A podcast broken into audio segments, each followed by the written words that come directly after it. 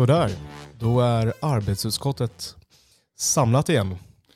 Ännu ett sammanträde med arbetsutskottet och eh, jag heter Göran Smedberg Och jag heter Olle Ringstedt. och vi finns båda två på Astra Advokater. Stämmer bra. Vad tänkte vi oss att vi skulle prata om idag? Jo, men vi tänkte väl som så att i förra avsnittet så pratade vi ju om de nya reglerna om särskild visstidsanställning. Och nämnde då, eller vi kanske pratade lite grann om det, men att det lyftes fram i propositionen att vissa befarade att det här skulle leda, de ändringarna skulle leda till eh, ökade inhyrningar av personal. Just man det. skulle tillförse behoven genom bemanning istället för att visstidsanställa folk.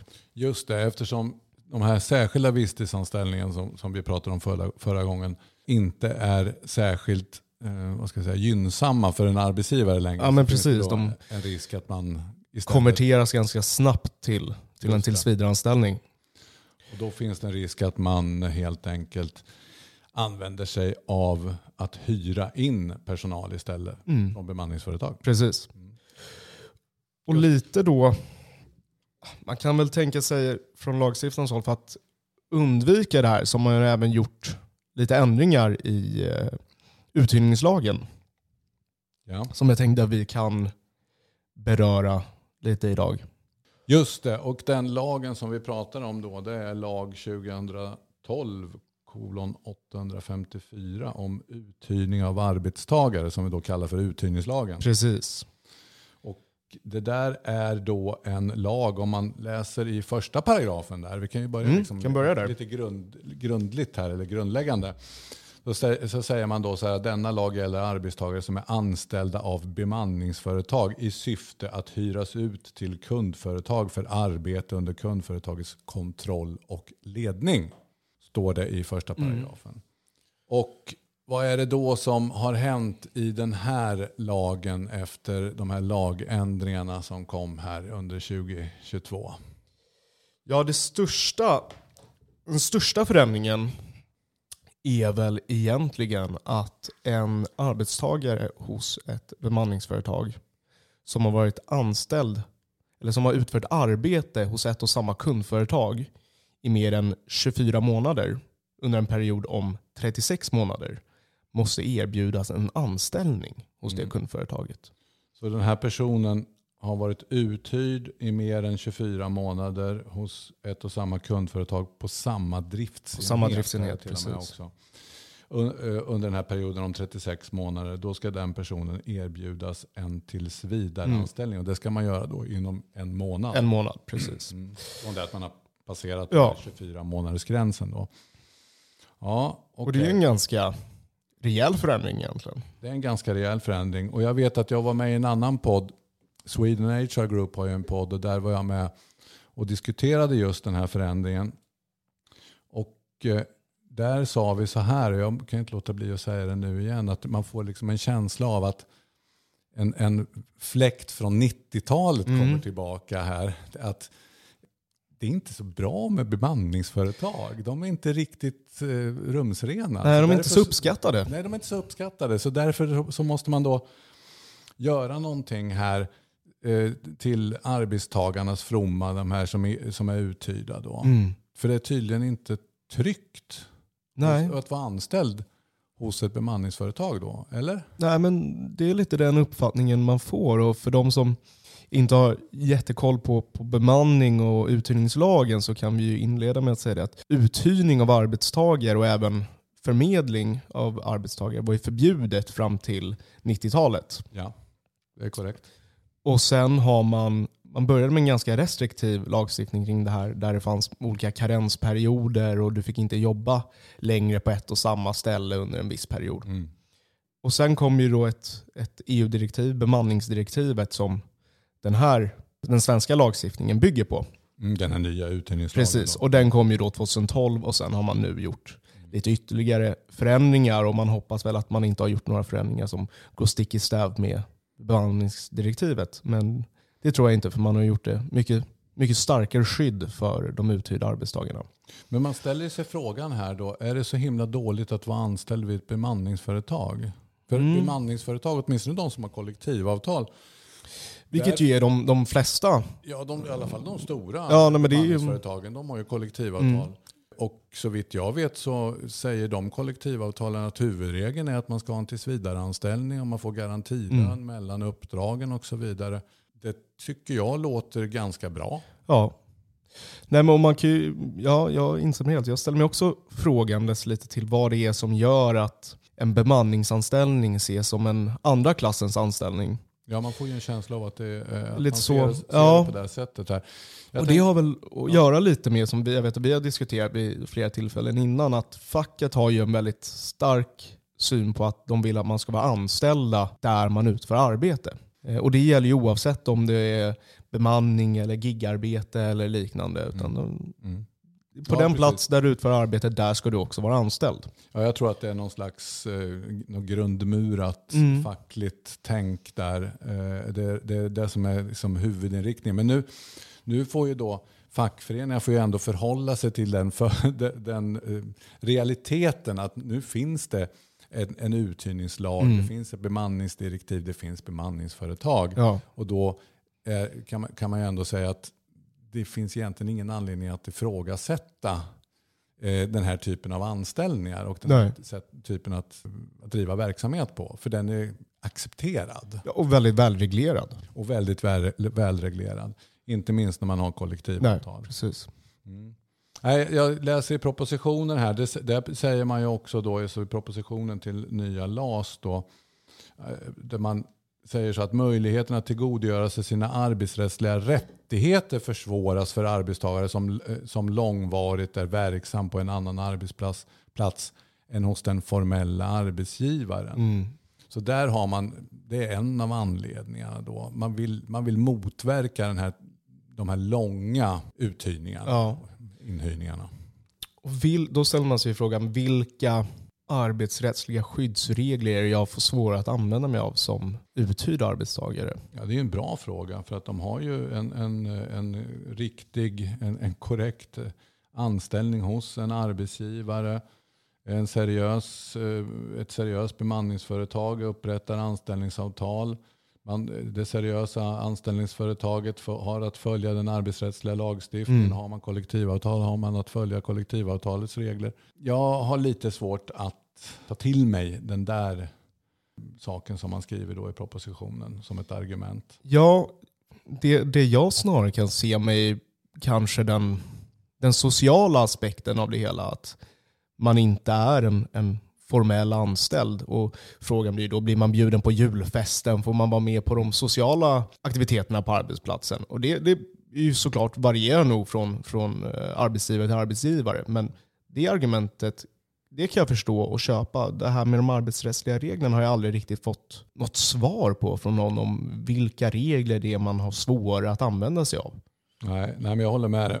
Just den, här, den sociala biten håller jag definitivt med om. att Där, skulle det, där är det mycket möjligt på Ja. det sättet. Att det är lite svårare att komma in i Man- fami- familjen om man Ja, säger så. man blir lite alienerad från, från sin arbetsplats. Den risken kan ju definitivt finnas. Mm. Okej, men här har vi då en, en regel som säger att om man har en sån här längre inhyrning eh, så har arbetstagaren den här rättigheten. Och en längre Mm. inhyrning har man då uppenbarligen då bestämt sig för att det är 24 månader. Då. Om en period, under en period om 36 månader. Ja, precis. precis. Den kan ju, det kan ju vara olika Det kan ju vara i omgångar. Liksom. omgångar. Ja. Så att säga. Absolut. Visst är det så. Eh, och sen är det ju som så här att den här regeln följer ju arbetstagaren. Så att det kan ju faktiskt vara på det sättet att den här, just den här arbetstagaren som, som är inhyrd de facto har varit anställd på ett annat bemanningsföretag tidigare. Exakt. Så det gäller liksom att man håller koll på, på, på tiderna här. Ja. Så att här måste väl kundföretagen då se till att ha koll på hur länge har den här inhyrda varit hos oss på den här Mm. driftsenheten. ja, men exakt. Okej, vad händer då? då? Då ska de erbjuda den här personen en tillsvidareanställning. Då ska man bli fast anställd, tillsvidareanställd hos kundföretaget eller i alla fall få ett erbjudande om det. Jajamän. Då ställer man sig en liten fundersam fråga. Eh, hur ska den anställningen se ut? Vad ska den innehålla? Och vad är det för sysselsättningsgrad? Vad är det för villkor? Och Mm. så vidare. Det sägs ingenting om det i lagen. Nej. Nej. Så där kan man väl fundera lite grann på vad är det för, vad är det för någonting som gäller där egentligen? Vad har man rätt till för anställning egentligen Mm. hos, eh, hos kundföretaget? Eh, men man har rätt till en anställning. Det, Det är i vart fall klart. det är i vart fall klart. Okej, Och vad händer då om man som arbetstagare, den inhyrde, accepterar det här erbjudandet? Man har, man, det står att man har en skälig period på sig att svara. Och så svarar man att eh, jag eh, accepterar, jag vill jobba här hos kundföretaget. Jag vill bli Ja. anställd hos er. Vad händer då med anställningen hos bemanningsföretaget? Den avslutas omgående. Den avslutas omgående. Mm. Det tycker jag känns lite märkligt faktiskt. Mm. Man tar ingen som helst hänsyn till bemanningsföretaget här egentligen. Nej. Bemanningsföretaget kanske har Behov sig, av att planera sin verksamhet och liknande. Ja, man kanske till och med har tänkt sig att man ska hyra ut den här personen någon annanstans. Exakt. Det kan ju faktiskt vara på det här sättet. Det känns ganska naturligt att det skulle vara på det sättet. Att de, liksom vilken annan organisation som helst, måste ju planera sitt arbete med, med kunder och intäktsflöden och liknande. Och helt plötsligt så kan de ha 2, 3, 4, 5, 8 eller 120 arbetstagare som försvinner omgående. Mm. Ja. Sen har det ju uttalats att man tycker att företagen, både kundföretaget och bemanningsföretaget, faktiskt har haft en lång tid på sig att se över det här. Och det då hänvisar man ju till de här 24 månaderna, att de har ju faktiskt en betänketid på om de vill erbjuda arbetstagarna arbete. Och det går ju att planera runt där så att säga. Mhm. Man kan ju också tänka sig att för att man inte vill hamna... Om vi säger så, det här är ju en inskränkning i arbetsledningsrätten för, Ja. för kundföretaget. Kundföretaget har ju antagligen då bestämt sig för att vi ska inte ha någon anställd på den här positionen. Och nu så finns det en lagregel som säger att ni är faktiskt tvungna att erbjuda den här personen en anställning eftersom den här personen har varit uthyrd Ja. hos er i mer än 24 månader. Då skulle man ju också kunna tänka sig att, att kundföretaget tänker sig att man inte vill hamna i den situationen. Så att man vill byta ut den Mm. här inhyrda personen. Ja men precis, och då kan man ju fråga sig om det är det en rimlig konsekvens av det hela. Att man istället för att ha en person som jobbar på ett och samma bemanningsföretag och för ett och samma kundföretag i, i fem, sex eller tio år, att den istället tvingas byta Mm. efter 24 månader för att varken kundföretaget vill ha kvar den som tillsvidareanställd och bemanningsföretaget vill inte bli av med sin bemanningsanställde. Så att man istället håller på att slussa runt folk. Då kan man ju fråga sig eh, hur, vilken form av anställningstrygghet, eller anställningstrygghet är det för man är ju fortfarande anställd. Men, men hur, hur positivt är det för en anställd, för den enskilde? Det är ju en väldigt bra fråga. Det, det skulle jag ju tycka om jag var inhyrd. Ja. Jag tycker att det var väl inte så himla kul att jag helt plötsligt är tvungen att lämna det här kundföretaget. Nej, Där, eller i vart fall den driftsenheten Ja, men exakt. på kundföretaget eftersom jag håller på att slå i taket där. precis. Jag, jag tvingas hoppa runt när jag istället lika gärna hade kunnat vara lika nöjd med, med att fortsätta som, som inhyrd helt enkelt. Ja, Eh, jag, undrar, jag skulle vilja veta vilka överväganden man har gjort där. Och sen blir det väl där självklart för framtiden att visa i vilken utsträckning det kommer bli på så sätt och i vilken utsträckning eh, kundföretagen kommer ge de inhyrda en, ett, ett anställningserbjudande. mm. Men där finns ju också en annan lösning. Det finns ett alternativ till att Precis, erbjuda. man måste ju inte anställa. Precis, man måste inte anställa. Då får man ta fram plånboken. Exakt, förstått. och lätta på lädret. Ja. För då är det enligt lagen två månadslöner eh, man måste utge för att köpa ut den här inhyrda, så att säga. Vet du, då gäller det att man får reda på vad den här personen har i månadslön. Ja.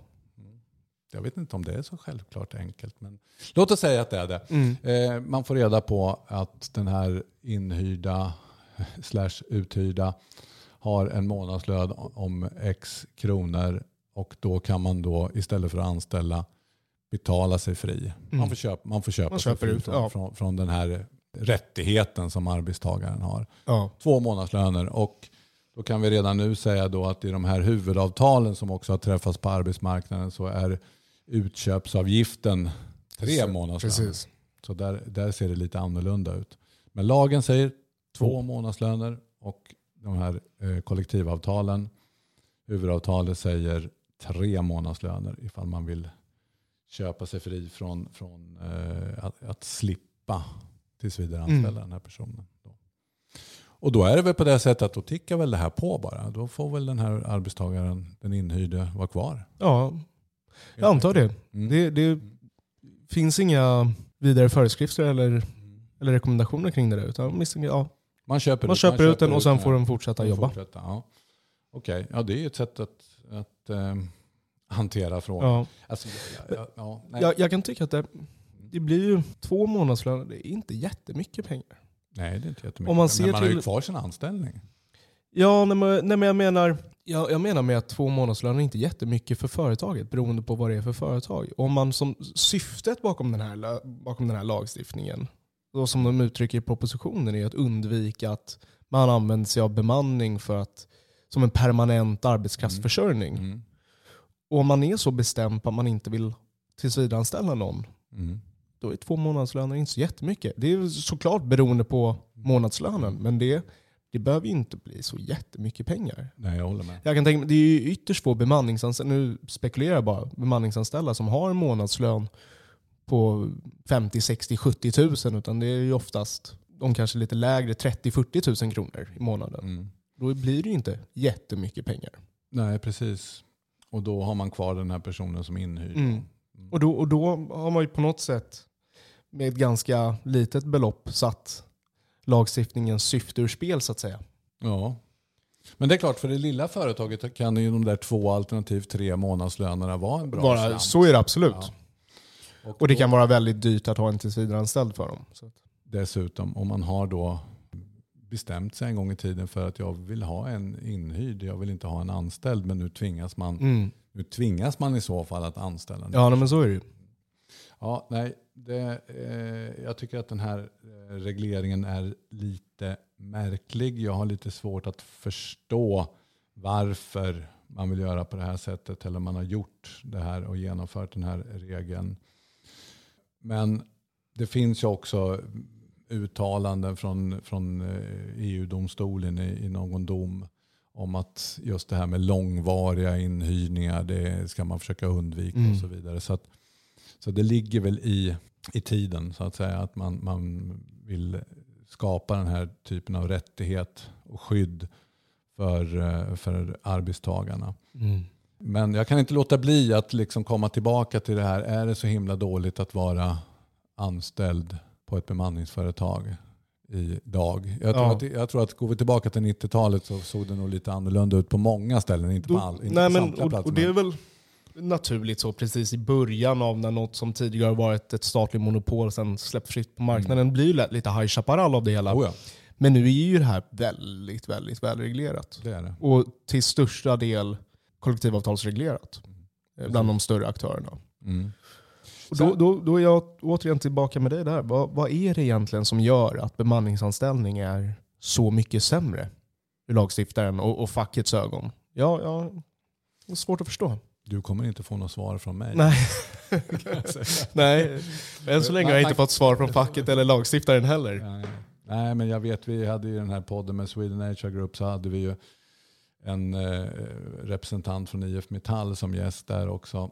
Eh, och han menade ju på att, att det är skillnad om man tittar på inhyrning eller uthyrning eh, i storstäder kontra eh, ute på landsbygden. Det menar han på då att där fin- det finns ett, en starkare anledning till ett skydd när man, jobb, när man är, jobbar på ett bemanningsföretag på landsbygden för då finns det oftast bara en kund. Ja, det finns en eller två större industriföretag Precis. som är Ja. Och det är där arbetsgivare man blir, för hela man blir, byn. blir inhyrd. Då, Mm. och det, sen kan man då fundera på vad det här ändrar i en sån situation. För blir, Ja. det, blir det driftsinskränkningar så blir det driftsinskränkningar. Och då blir, vare sig man är anställd på bemanningsföretaget eller på kundföretaget så är det ju en uppenbar risk att man förlorar sitt jobb. Så är det ju verkligen.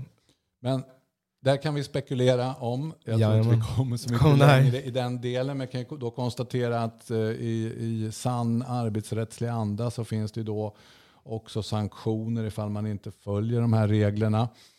Och eh, i 14 paragrafen i uthyrningslagen så står det då att ett kundföretag som bryter mot den här regeln då ska betala skadestånd till arbetstagaren för den förlust som uppkommer och för den kränkning som inträffat. Så att det finns regler om eh, sanktioner där Mm. också.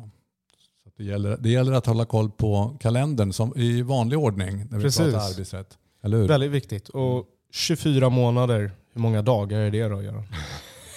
ja, jag, får, jag måste nog först lyssna på förra avsnittet Ja, innan jag vågar uttala mig. Men eftersom det, det står 24 månader så ska det väl då vara två gånger 360. Ja, 720 dagar. 120 dagar. Ja, Precis. Ja, det låter väl rimligt. det låter rimligt. Ja. Så att eh, vi får väl hänvisa till eh, avsnitt två Precis. av arbetsutskottets eh, sammanträde. Ja, där man vi kan höra för, mer om eh, arbetstidsberäkningen. Just det, precis. Eller rättare sagt anställningstidsberäkning. Anställningstidsberäkningen så är det precis. såklart. Ja, ja men eh, det här är då en inskränkning i arbetsledningsrätten, Mm. helt klart. Men vi har en sak kvar här på, eh, när vi pratar om den här lagen. Och det är en, en eh, sak som nu blir mer och mer intressant då i samband med den här regeln om att man har rätt till en tillsvidareanställning. Och det är egentligen efter då de här 24 månaderna. Det är ju då vilka är det som omfattas av den här lagen egentligen? Vad- Vi tittar på, vad, vad var det jag läste förut? Det, var ju då, det står så här att denna lag gäller arbetstagare som är anställda av bemanningsföretag i syfte att hyras ut till ett kundföretag för arbete under kund, kundföretagets kontroll och ledning. Just det. Och sen står det då i en definition i femte paragrafen. Bemanningsföretag, en fysisk eller juridisk person som har arbetstagare anställda i syfte att hyra ut dessa till kundföretag för arbete under kundföretagets kontroll och ledning. Just det. Och då börjar man ju undra här, vilka är det som omfattas av det här? Bemanningsföretag, det är ju inget svårt. Då. Nej, Man- nej. Bemanningsföretaget X. Liksom. Om de själva benämner sig som ett så får Ja, de väl lov precis. att vara ett. Ja. Men finns det några andra som man skulle kunna fundera på? Om de skulle kunna omfattas av den här lagen då? Mm. Ja, det finns ju en, en del olika former av, av företagarna som skulle kunna omfattas. Jag tänker delvis på, på entreprenader Mm. och även företag där man outsourcar personal för diverse receptionsjobb eller mässor eller liknande. Fast då har man ju outsourcat hela tjänsten. Är det under företag, kundföretagets kontroll och ledning? Det beror lite på hur det ser ut i det enskilda fallet. det, det är väl så? Det är väl så? Ja. Ja. Nej, men jag tänker mig om vi här på byrån till exempel, nu, nu har vi ju en studentpool som vi är väldigt nöjda med. Men om Mm. vi skulle tröttna på dem och istället välja att ta in någon. Det gör ute- ju inte vi. Nej, det gör vi absolut jag vill inte. bara säga Ja. Ja.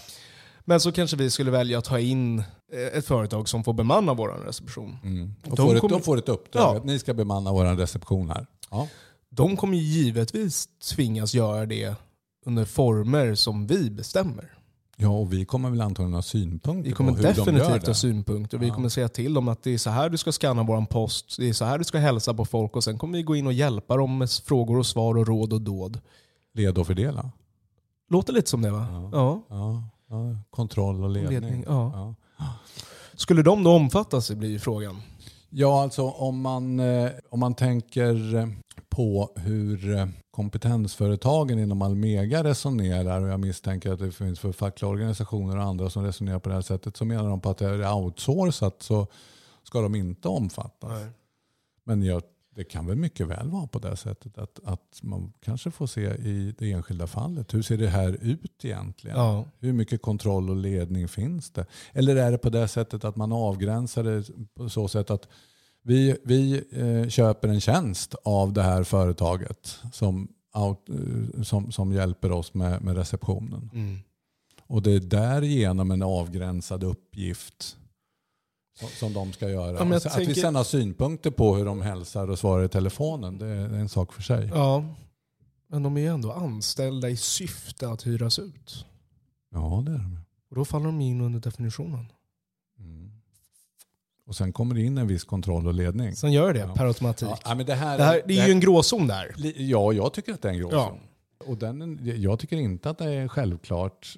Man får ju som sagt var se, det är det enskilda fallet som, Ja, ja. som, som är det intressanta. Då. Och, och så får man titta på alla omständigheterna och komma fram till något som, som verkar, verkar bra. Men, men Ja, och samma fråga går ju att ställa vid, vid entreprenader i byggbranschen. Man tar in en underentreprenör som ju måste följa byggledarens instruktioner och då blir det ju på något sätt någon form av kontroll och ledning. det blir en grym genomlysning här Ja, faktiskt. Men, men om vi då spekulerar kring en IT-konsult Ja. som är anställd på ett företag, ett IT-konsultföretag som, som eh, man kan köpa IT-tjänster från och de, de skickar, dit, eh, skickar en konsult till, till kundföretaget eh, och den här konsulten sitter där och jobbar. Är han anställd i syfte att hyras ut till kundföretaget? Ja, det ligger väl lite i... Det kanske inte står så. Nej, men det ligger väl lite i en, ett konsultarbetes Ja. natur. Ja. Att man utför arbete för andra och Ja. lite grunden till ens anställning. Så att, ja. Men nyc- nyckelorden här är väl då det som jag läste upp här under kundföretagets kontroll och ledning. Då är den här lagen tillämplig. Ja, där får man väl fråga sig hur ser uppdraget ut? Vilket inflytande har kundföretaget över uppdragets utförande? Är det jag som styr och bestämmer hur jag utför det här? Men på något, på något Har ni endast beställt en slutprodukt och jag sen får stå för hur resan dit utformas, så att säga, men då är det väl lite mer tveksamt. Men om det är... Mm. Men En- kund, kundföretaget kommer väl ändå nästan alltid ha synpunkter. Och, Man kan ju tänka sig det. Jag, Men- jag, jag skulle, hade jag beställt utförande av en tjänst så skulle jag garanterat ha synpunkter på hur uppdraget utförs. Ja, vi, vi problematiserar ju Ja, det här väldigt mycket. ordentligt. Men, men, men det kan ju också vara på det här sättet. Man köper den här tjänsten. Man, den här IT-konsulten som har fått ett uppdrag att lösa det här problemet Mm. åt oss. Sen att vi har lite synpunkter på det och talar om hur vi ska ha det. Det är en annan sak. Det är en avgränsad uppgift Ja. som, den här, som den här, det här konsultföretaget ska, ska hjälpa oss med. Och de har skickat dit en IT-konsult. Och det kanske räcker för att man, de, konsulten inte ska omfattas av den här regleringen. Mm. Ja, det är inte omöjligt. Det kan ju vara så enkelt. Det kan vara så Vi enkelt. sitter och problematiserar det helt i onödan. Det kan- för döva öron. Det kan, ja, för döva öron. Det kan mycket väl vara på det här sättet. Faktiskt. Men, men det är intressant och jag misstänker att vi kommer nog få... eh, Det kommer nog dyka upp lite praxis kring det här så Ja. småningom. Jo, men man får hoppas på det. Jag har ju märkt också bland, bland mina klienter att man börjar fundera på, alltså IT-företag och så Mm. vidare, som börjar fundera på, gäller det här oss? Ja. Kommer vi betraktas som ett bemanningsföretag i, den här, i det här hänseendet? ja, och det där är ju det som är det svåra. Att det finns ju ingenting egentligen i lagens skrivelse som nödvändigtvis förhindrar det. Nej, det gör det inte. Ja, det är väl det här då om man, om man då ska bokstavstolka bemanningsföretag. Ja. Det kommer vi väl komma till ganska snart Ja, i det här avsnittet. ja men precis. Om vad, måste det vara ett bemanningsföretag som är ett bemanningsföretag där det står också i bolagsordningen i verksamhetsföremålet att, att vi är ett bemanningsföretag. Mm. Är vi klara med den här delen Olle? Ja, men jag Tycker tror vi kan Ska vi avrunda det här och så går vi vidare till den andra nästa delen. Avdelning i det här sammanträdet. Det, det är ju så här att för ett tag sedan så kom det ju en dom som vi brukar kalla för, eller som vi har benämnt Foodora-domen. Precis. Det är alltså Arbetsdomstolens dom 2022 nummer 45 som eh, är lite intressant från perspektivet eh, uthyrningslagen. Ja, väldigt intressant skulle jag Det är vilja väldigt påstå. intressant. Ja. Och vad handlar det här om Olle? Jo, men det här är ju då en tvist mellan Foodora och eh, transportföretagen. Nej, Ja, transport. nej inte, inte Transport. alls transportföretagen. Transportförbundet. Ja, transport. Vi säger transport. Vi säger transport.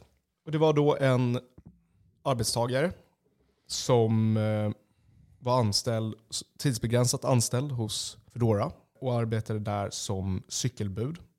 Därefter så valde han att gå över till att vara mopedbud och fick då tillsagt från Foodora att han var, skulle höra av sig till ett annat företag och teckna och ingå anställningsavtal med dem. Mm. Han blev sedermera avstängd från Foodora-appen och fick inte åtkomst till att boka fler pass. Men då hade man jobbat för dem ett tag va? Då hade han jobbat för dem ett tag, precis. Det här var något år senare. Mm. Och Transport menar på att det här då är att likställa med en uppsägning från, Och till och med ett avskedande. ett avskedande från uh, Foodoras håll. Mm. Man menar på att han, var, han skulle betraktas som han var anställd av Tills Foodora. vidareanställd, ja. Tills vidareanställd. Precis. Han menade att eh, den tidsbegränsade anställningen hade övergått till en tillsvidareanställning Mm. och att det här då gjorde, utgjorde ett avsked. Mm.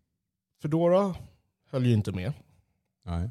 Utan de menade ju på att den här arbetstagaren istället hade varit inhyrd. Okej, men var det här ett bemanningsföretag? Ja, det, är lite svårt att, att säga någonting annat än så nu i, nu i efterhand när domen väl har kommit. I början när, när det här var under, målet var under handläggning så tyckte jag det var högst tveksamt. För det här är ett företag som enligt sin bolagsordning sysslar med löneadministration och, och personaladministration och är enligt Transport i alla fall att betrakta som ett så kallat egenanställningsföretag. Jag tror till och med man skriver här att, att, eh, man, att Transport benämner det som ett löneadministrationsföretag. Ja, men precis. Ja, det låter ganska illa va? Det låter illa. Ja. Och då, då kan man ju fråga sig vad, vad ett egenanställningsföretag är. Och det är ju en relativt ny företeelse, Mm. eh, men som har växt till sig ganska, ganska rejält. Och det har ju beskrivits många gånger som ett företag som lånar ut sin F-skattsedel mer eller mindre. Mm.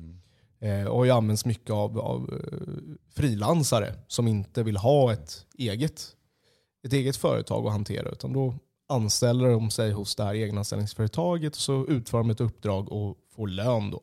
Och då det här, ska vi kalla det för löneadministrationsföretaget som är bara inskjutet emellan då den som utför arbetet och kunden har då egentligen inget arbetsgivaransvar enligt det här sättet att tänka. Nej, nej men precis.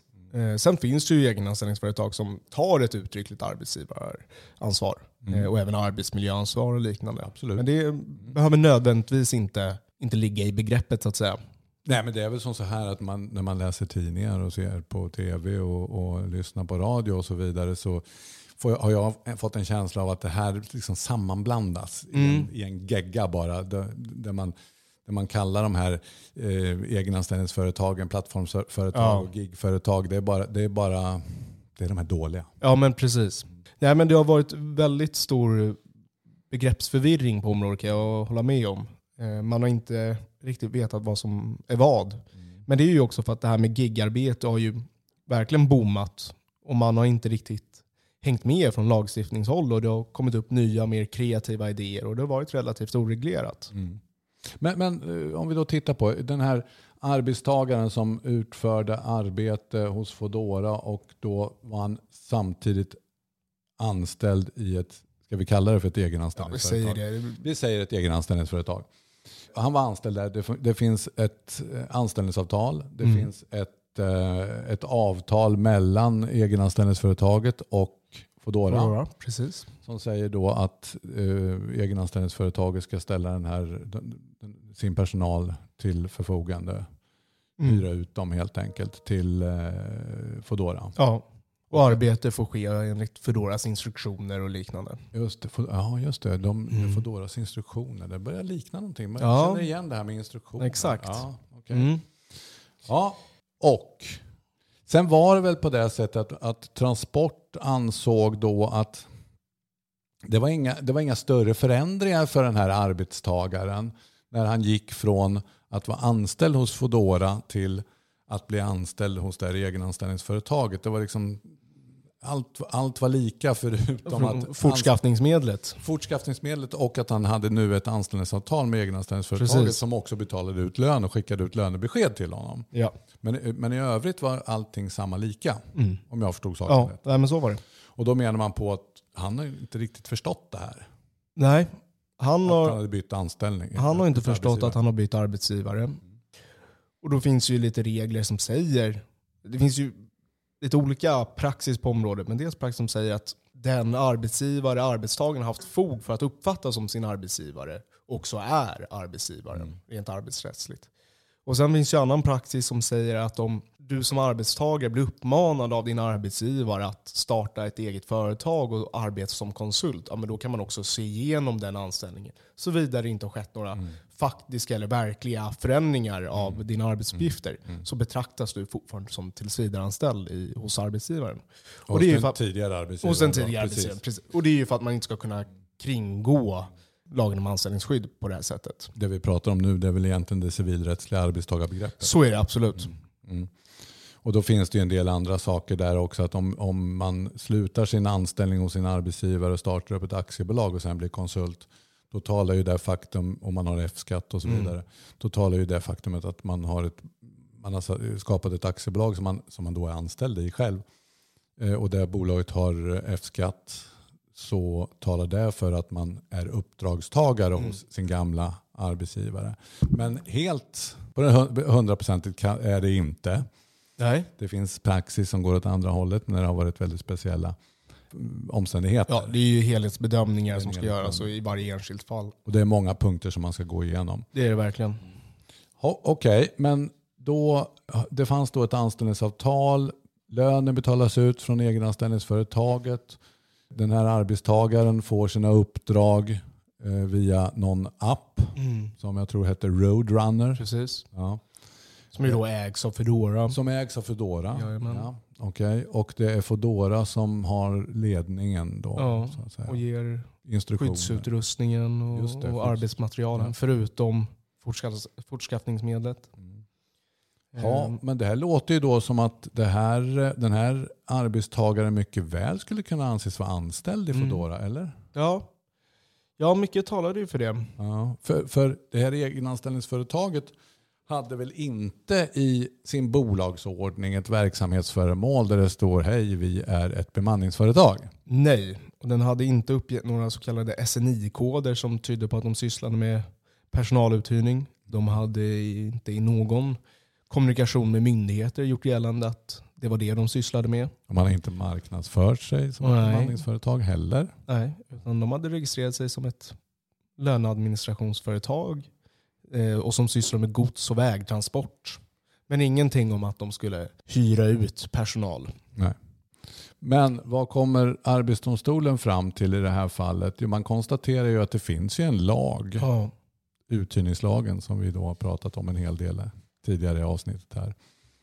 Som, ja, som, då, som då reglerar det här att, att arbetstagare som är anställda av bemanningsföretag i syfte att hyras ut till kundföretag för arbete under kundföretagets kontroll och ledning. Och sen börjar man bena i det här. Mm. Man går igenom en liten historisk ja, exposé en, också. Precis, och ja. bemanningsdirektivet ja, och, och liknande. Och sen kommer man ju fram till att den här arbetstagaren var anställd hos det vi kallar för egenanställningsföretaget mm. i syfte att hyras ut. Ja. Och detta var under Fodoras kontroll, och ledning. ledning. Ja. Mm. Och här gör man ju en, en en ganska enkel bedömning. Man tittar ju väldigt mycket på vilka är parterna. Mm. Vem är arbetstagare? Jo, men det är den, den som i domen benämns som A. Mm. Vem har han ingått ett anställningsavtal med? Mm. Jo, men det är ju egenanställningsföretaget. Och då skriver man vid bedömningen av hos vem personen ska betraktas som arbetstagare blir det i dessa fall av särskild vikt att uppmärksamma den grundläggande förutsättningen för ett, arbets, för ett anställningsförhållande.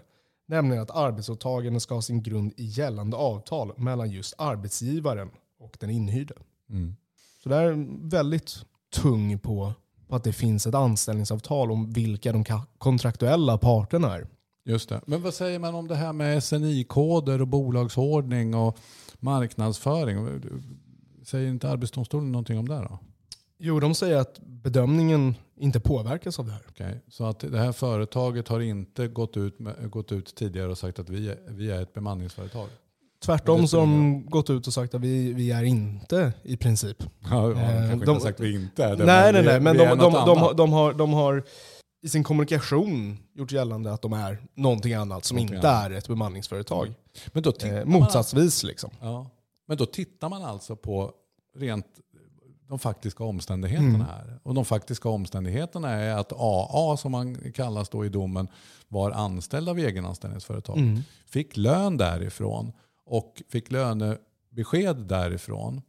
Man tittar också på det här avtalet mellan Foodora och egenanställningsföretaget. För där hade Transport synpunkter på eftersom ersättningen inte, som, som, som eh, man skulle betala för den här tjänsten inte li, riktigt lirade med hur det brukar vara Nej. i bemanningsbranschen. Utan här var det ett annat sätt att ta betalt. Mm. Men det menar man på att det finns väl ingen sån lagregel som säger att, det måste, att ersättningen ska se ut på ett visst sätt eller beräknas på ett visst sätt. Nej, precis. Och Foodora bestred ju även att, att det fanns någon sån praxis, så att säga. Eh, att den var utvecklad på det sättet. Så det, um, det avfärdade man. Mm. Och det gjorde Arbetsdomstolen också. Just det, precis. Så då är vi på att man gör den här bedömningen då att det är de faktiska omständigheterna i det här fallet som är de viktiga. Vi har en arbetsgivare, vi har ett kundföretag.